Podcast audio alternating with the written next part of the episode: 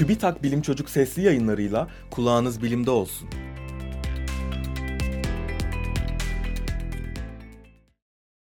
Zonguldak'ta yeni canlı türü keşfedildi. Zonguldak'taki Gökgöl mağarasında araştırma yapan Türk bilim insanları yeni bir gammarus türü keşfetti. Bu canlıya Gammarus tumaf adı verildi.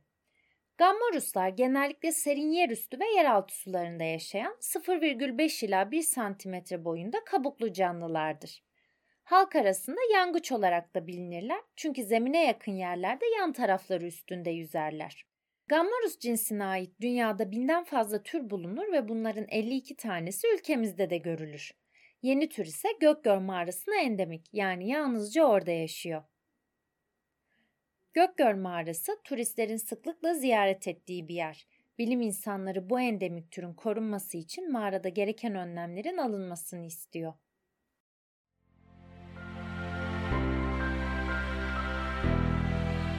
Bilim Çocuk sesli yayınlarını SoundCloud, Spotify, Google ve Apple Podcast kanallarından takip edebilirsiniz.